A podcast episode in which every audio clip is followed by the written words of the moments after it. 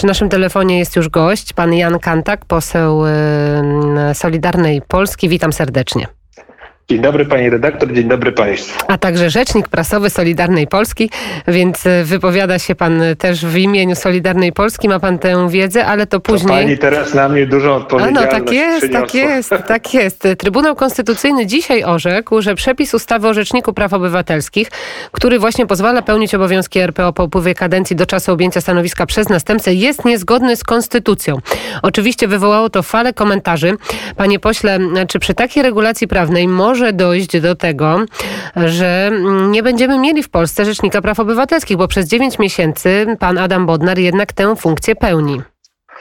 No rzeczywiście, pani redaktor, Trybunał Konstytucyjny orzekł to, co, to, czego można było się spodziewać, ponieważ Konstytucja w artykule 209 wskazuje jasno i wyraźnie, że kadencja trwa 5 lat i ta kadencja upłynęła Adamowi Bodnarowi zdaje się 9 września ubiegłego roku, czyli już wiele, wiele miesięcy dłużej Adam Bodnar sprawuje funkcję Rzecznika Praw Obywatelskich niż wynika to e, z takiej legitymacji konstytucyjnej. Stąd też wniosek posłów, e, aby tę sprawę rozstrzygnął Trybunał, który jest do tego powołany. Trybunał jest od tego, aby dokonywać interpretacji przepisów Konstytucji i jej zgodności z ustawą, ponieważ ustawa o Rzeczniku Praw Obywatelskich y, w artykule trzecim ustęp szósty, o ile mnie pamięć nie myli, dopuszczała właśnie możliwość pełnienia y, przez rzecznika funkcji da, dalej niż po, po upływie No i tak, lat, i widzimy tak, ale, i panie pośle, i, i widzimy jak to wygląda. Dziewięć miesięcy,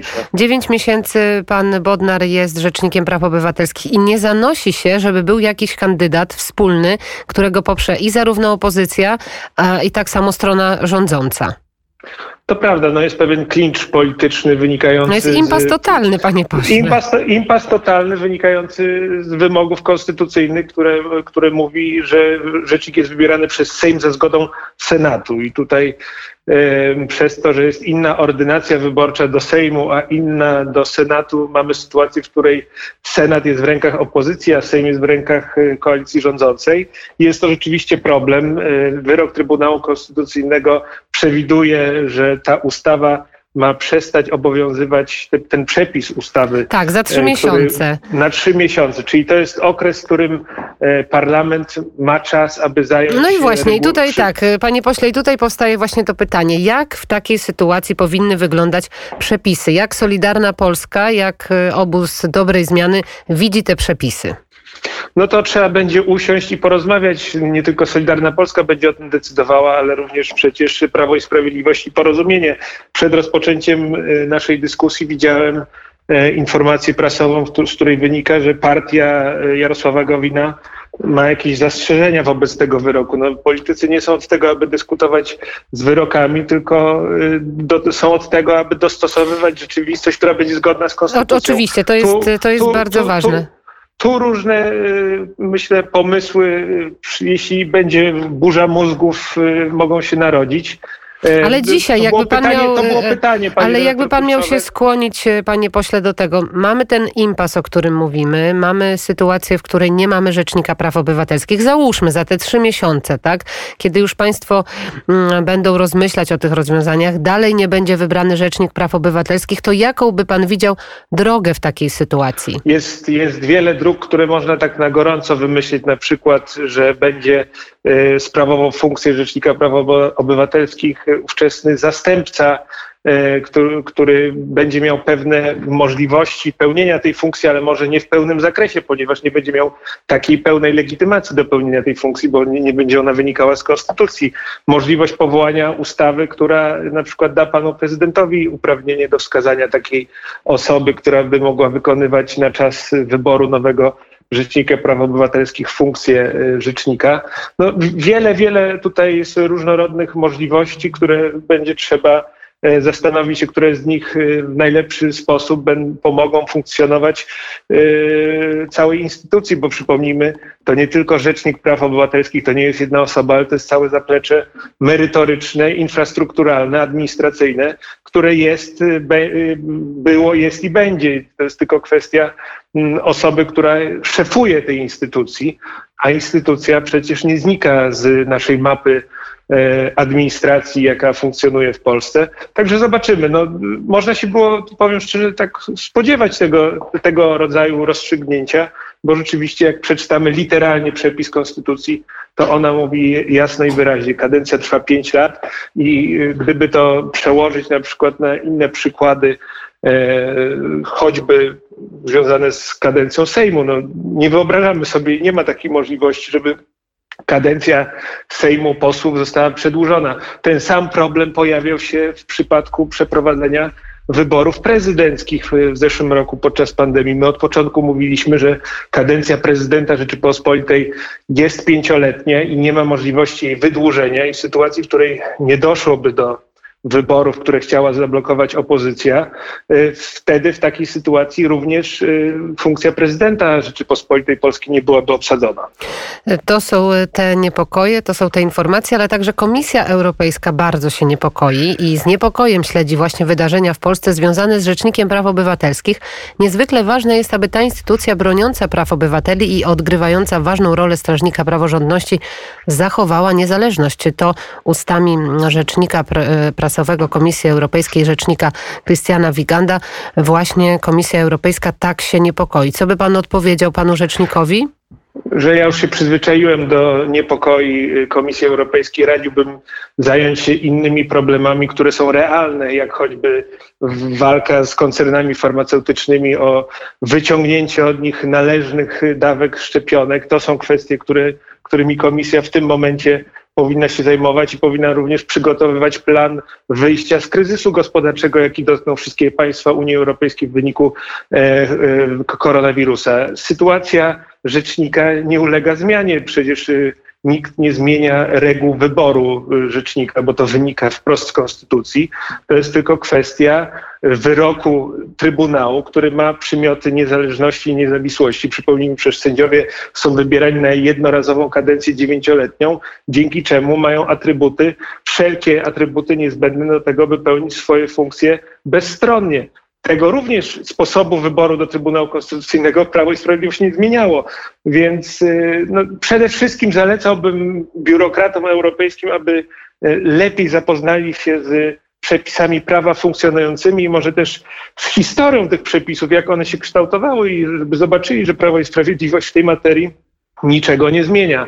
E, lepiej wiedzieć więcej niż, e, niż się wypowiadać w materii, który, o której się nie Powiedział pan, panie pośle, we wcześniejszej wypowiedzi o wyborach prezydenckich. Wybory prezydenckie także wielkimi krokami zbliżają się w Rzeszowie. Kandydat porozumienia zrezygnował ze startu. Waldemar Kotula z porozumienia Jarosława Gowina zrezygnował i poparł kandydaturę właśnie wiceministra sprawiedliwości popieranego pana Marcina Warchoła, popieranego przez Solidarną Polskę. Co się zadziało, panie pośle, że tam nie ma jednego głosu? Dlaczego nie ma jednego kandydata? Tylko z jednej strony mamy pana Marcina Warchoła, a z drugiej strony panią wojewodę podkarpacką Ewę Leniart, y, popieraną przez Prawo i Sprawiedliwość. Dlaczego nie słyszymy jednego głosu tutaj? Pani redaktor, trzeba wziąć pod uwagę, że wybory samorządowe czy wybory prezydenckie w mieście, w Rzeszowie to jest y, kwestia uwarunkowana bardzo mocno lokalnie. Marcin Warchoł zrezygnował z członkostwa w Solidarnej Polsce i jest kandydatem niezależnym, popieranym przez obecnego prezydenta Tadeusza Ferenca, który ma olbrzymie zaufanie w mieście. W wyniku e, współpracy pana Marcina Warchoła jako posła z tej ziemi, reprezentanta między innymi Rzeszowa w, w Sejmie, często utrzymywał kontakty z prezydentem Ferencem, który uznał, że Marcin Warchoł jest najlepszym kandydatem jakiego mógł, mógłby sobie prezydent Ferenc i jakiego mogliby sobie mieszkańcy Rzeszowa wyobrazić. Więc trudno się dziwić, że minister Marcin Warchoł zdecydował się podjąć rękawice i walczyć o sympatię mieszkańców Rzeszowa. E, poparcie ze strony kandydata porozumienia na pewno cieszy, ale naprawdę nie przenosiłbym gruntu lokalnego na kwestię oceny sytuacji Ale panie pośle, no jak się nie da? No oczywiście, że to się przenosi. To jest y, no, brak porozumienia, brak jednej jakiejś drogi, brak y, jednego lidera. To też pokazuje nawet lokalnie, że tej spójności, tej jedności w tej zjednoczonej prawicy brak. No panie redaktor, ale to jest wpadkowa sytuacja, tak jak mówię, która jest zależna od wielu y, różnorakich y, warunków, które zaistniały w tej sytuacji. I no, no, na tym polega też pewna różnica, że istnieje porozumienie Solidarna Polska i Prawo i Sprawiedliwość odrębne byty, że w niektórych sytuacjach y, no, każdy chce postawić na swojego kandydata, bo uznaje, że ten kandydat jest najlepszy.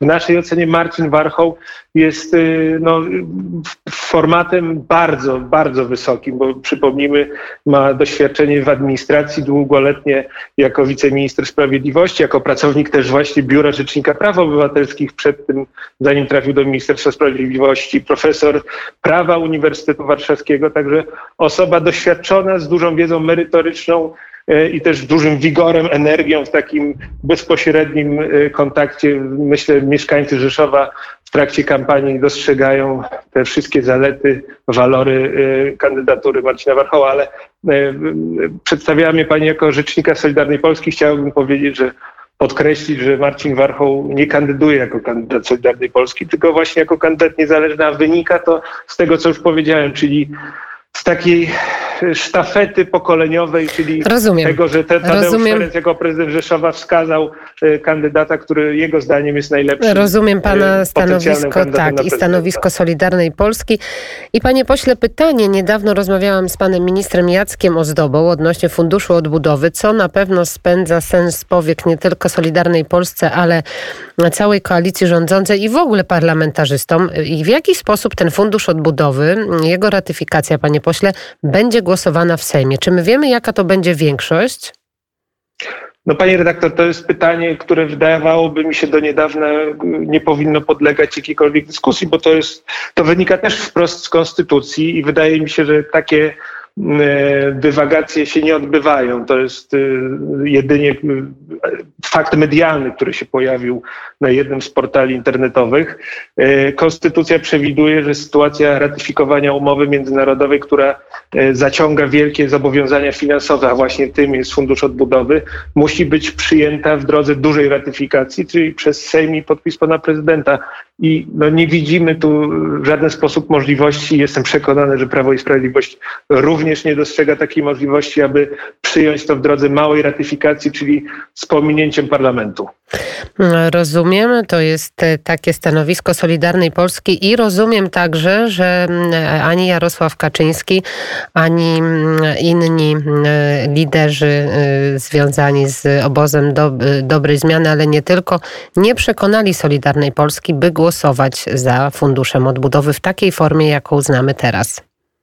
Panie redaktor, no my jesteśmy w tej kwestii bardzo mocno konsekwentni. Przypomnijmy, już w sierpniu czy w lipcu y, zeszłego roku pan minister Ziobro mówił o naszych wątpliwościach związanych z y, uzależnieniem funduszy europejskich, budżetu unijnego i funduszu odbudowy y, od kryterium tak zwanej praworządności, czyli de facto oddania kwestii decyzyjności z Warszawy do Brukseli. To jest bardzo niebezpieczny mechanizm, który może polegać na tym, że brukselscy biurokraci, którzy nie podlegają jakimkolwiek wyborom, bo oni nie są wybierani w żadnych demokratycznych wyborach. Komisarze przecież, przypomnijmy, komisarze są powoływani e, w nie, nie w demokracji bezpośredniej. Mieliby decydować o tym, czy Polska może korzystać z należnych jej środków, czy nie. To jest sytuacja olbrzymiego zagrożenia i takiej e, oddania małej, czy nawet dużej części swojej własnej suwerenności, bo no, ja mogę sobie wyobrazić, widząc poczynania E, biurokratów europejskich, choćby przywoływana przed chwilą przez panią wypowiedź jednego z komisarzy, że w każdym, w każdym zakresie i w każdy, na każdym polu, które nie jest zarezerwowane dla Unii Europejskiej, bo przypomnijmy, reforma wymiaru sprawiedliwości, czy e, kwestie związków e, homoseksualnych, czy tematy właśnie tak jak dzisiaj przywoływany Rzecznik Praw Obywatelskich, to nie są tematy zarezerwowane dla Unii Europejskiej, a Unia Europejska i tak próbuje w te tematy się tutaj ingerować w polskie rządy, które są wybierane w demokratyczny sposób. Prawo i Sprawiedliwość, Zjednoczona Prawica ma olbrzymi mandat, który ponownie został przecież ponownie dany przez polskie społeczeństwo w wyborach no i tu, tu, tu wychodzi ta kolizja, która jest olbrzymim zagrożeniem z naszego punktu widzenia. Jeszcze oprócz tego warto wspomnieć o, o tym wspólnym zadłużaniu e, Unii Europejskiej, czyli de facto sprowadza to sytuację do tego, że Polska może ręczyć, być odpowiedzialna za długi innych państw Unii Europejskiej, takich jak Rumunia czy, Czyli czy Bułgaria. nasz czy... gość Jan Kantak będzie głosował przeciwko Funduszowi Odbudowy w takiej formie, jaką znamy? Ta decyzja została podjęta jednomyślnie przez wszystkich posłów Solidarnej Polski, więc mogę powiedzieć zarówno w swoim indywidualnym, jako swoje indywidualne zdanie, jak i zdanie Solidarnej Polski jako ogółu, że no, nasze stanowisko jest jasne i klarowne od wielu, wielu miesięcy prezentowane w tym zakresie. No i jeszcze na koniec pytanie, mm, panie pośle, y, o Polska Press i o to, co się zdarzyło właśnie w związku z decyzją pana Adama Bodnara. Polska Press y, na razie przynajmniej nie może zostać przejęte przez PKN Orlen. Taka decyzja Sądu Ochrony Konkurencji i Konsumentów. Jak pan na to patrzy? Bo z kolei Komisja Europejska też patrzy na tę transakcję bardzo uważnie i mówi o tym, że ochrona konkurencji to jest coś bardzo ważnego, a tu mamy do czynienia z potencjalnymi zagrożeniami dla wolności słowa. To takie właśnie instytucje jak Komisja Europejska będą bacznie patrzeć na to, co się w Polsce wydarzy. Trudno mówić e, o tym, że komisja, że sąd chce uniemożliwić przejęcie E, spółki Polska Press przez Orlen w sytuacji, w której Orlen już przejął tę spółkę, czyli mamy de facto z, z sytuacją do czynienia e, jak musztarda po obiedzie. No, sąd decyduje o czymś, co już zaistniało, już się stało. E, Orlen sprawuje swoje władztwo nad spółką i dla mnie niewyobrażalna jest teraz sytuacja, w której sąd swoją, swoją decyzją, swoim postanowieniem chciałby doprowadzić do sytuacji, w której spółka zostałaby pozbawiona jakiegokolwiek kierownictwa. No bo kto w takim razie zgodnie z postanowieniem sądu miałby teraz odpowiadać za podejmowanie różnych decyzji, które są kluczowe dla e, kierowania spółką? No, w mojej ocenie to postanowienie nie, nie wpływa na możliwości e, zaradczej działa, działalność spółki Polska Press przez Orlen, ponieważ to już doszło do skutku.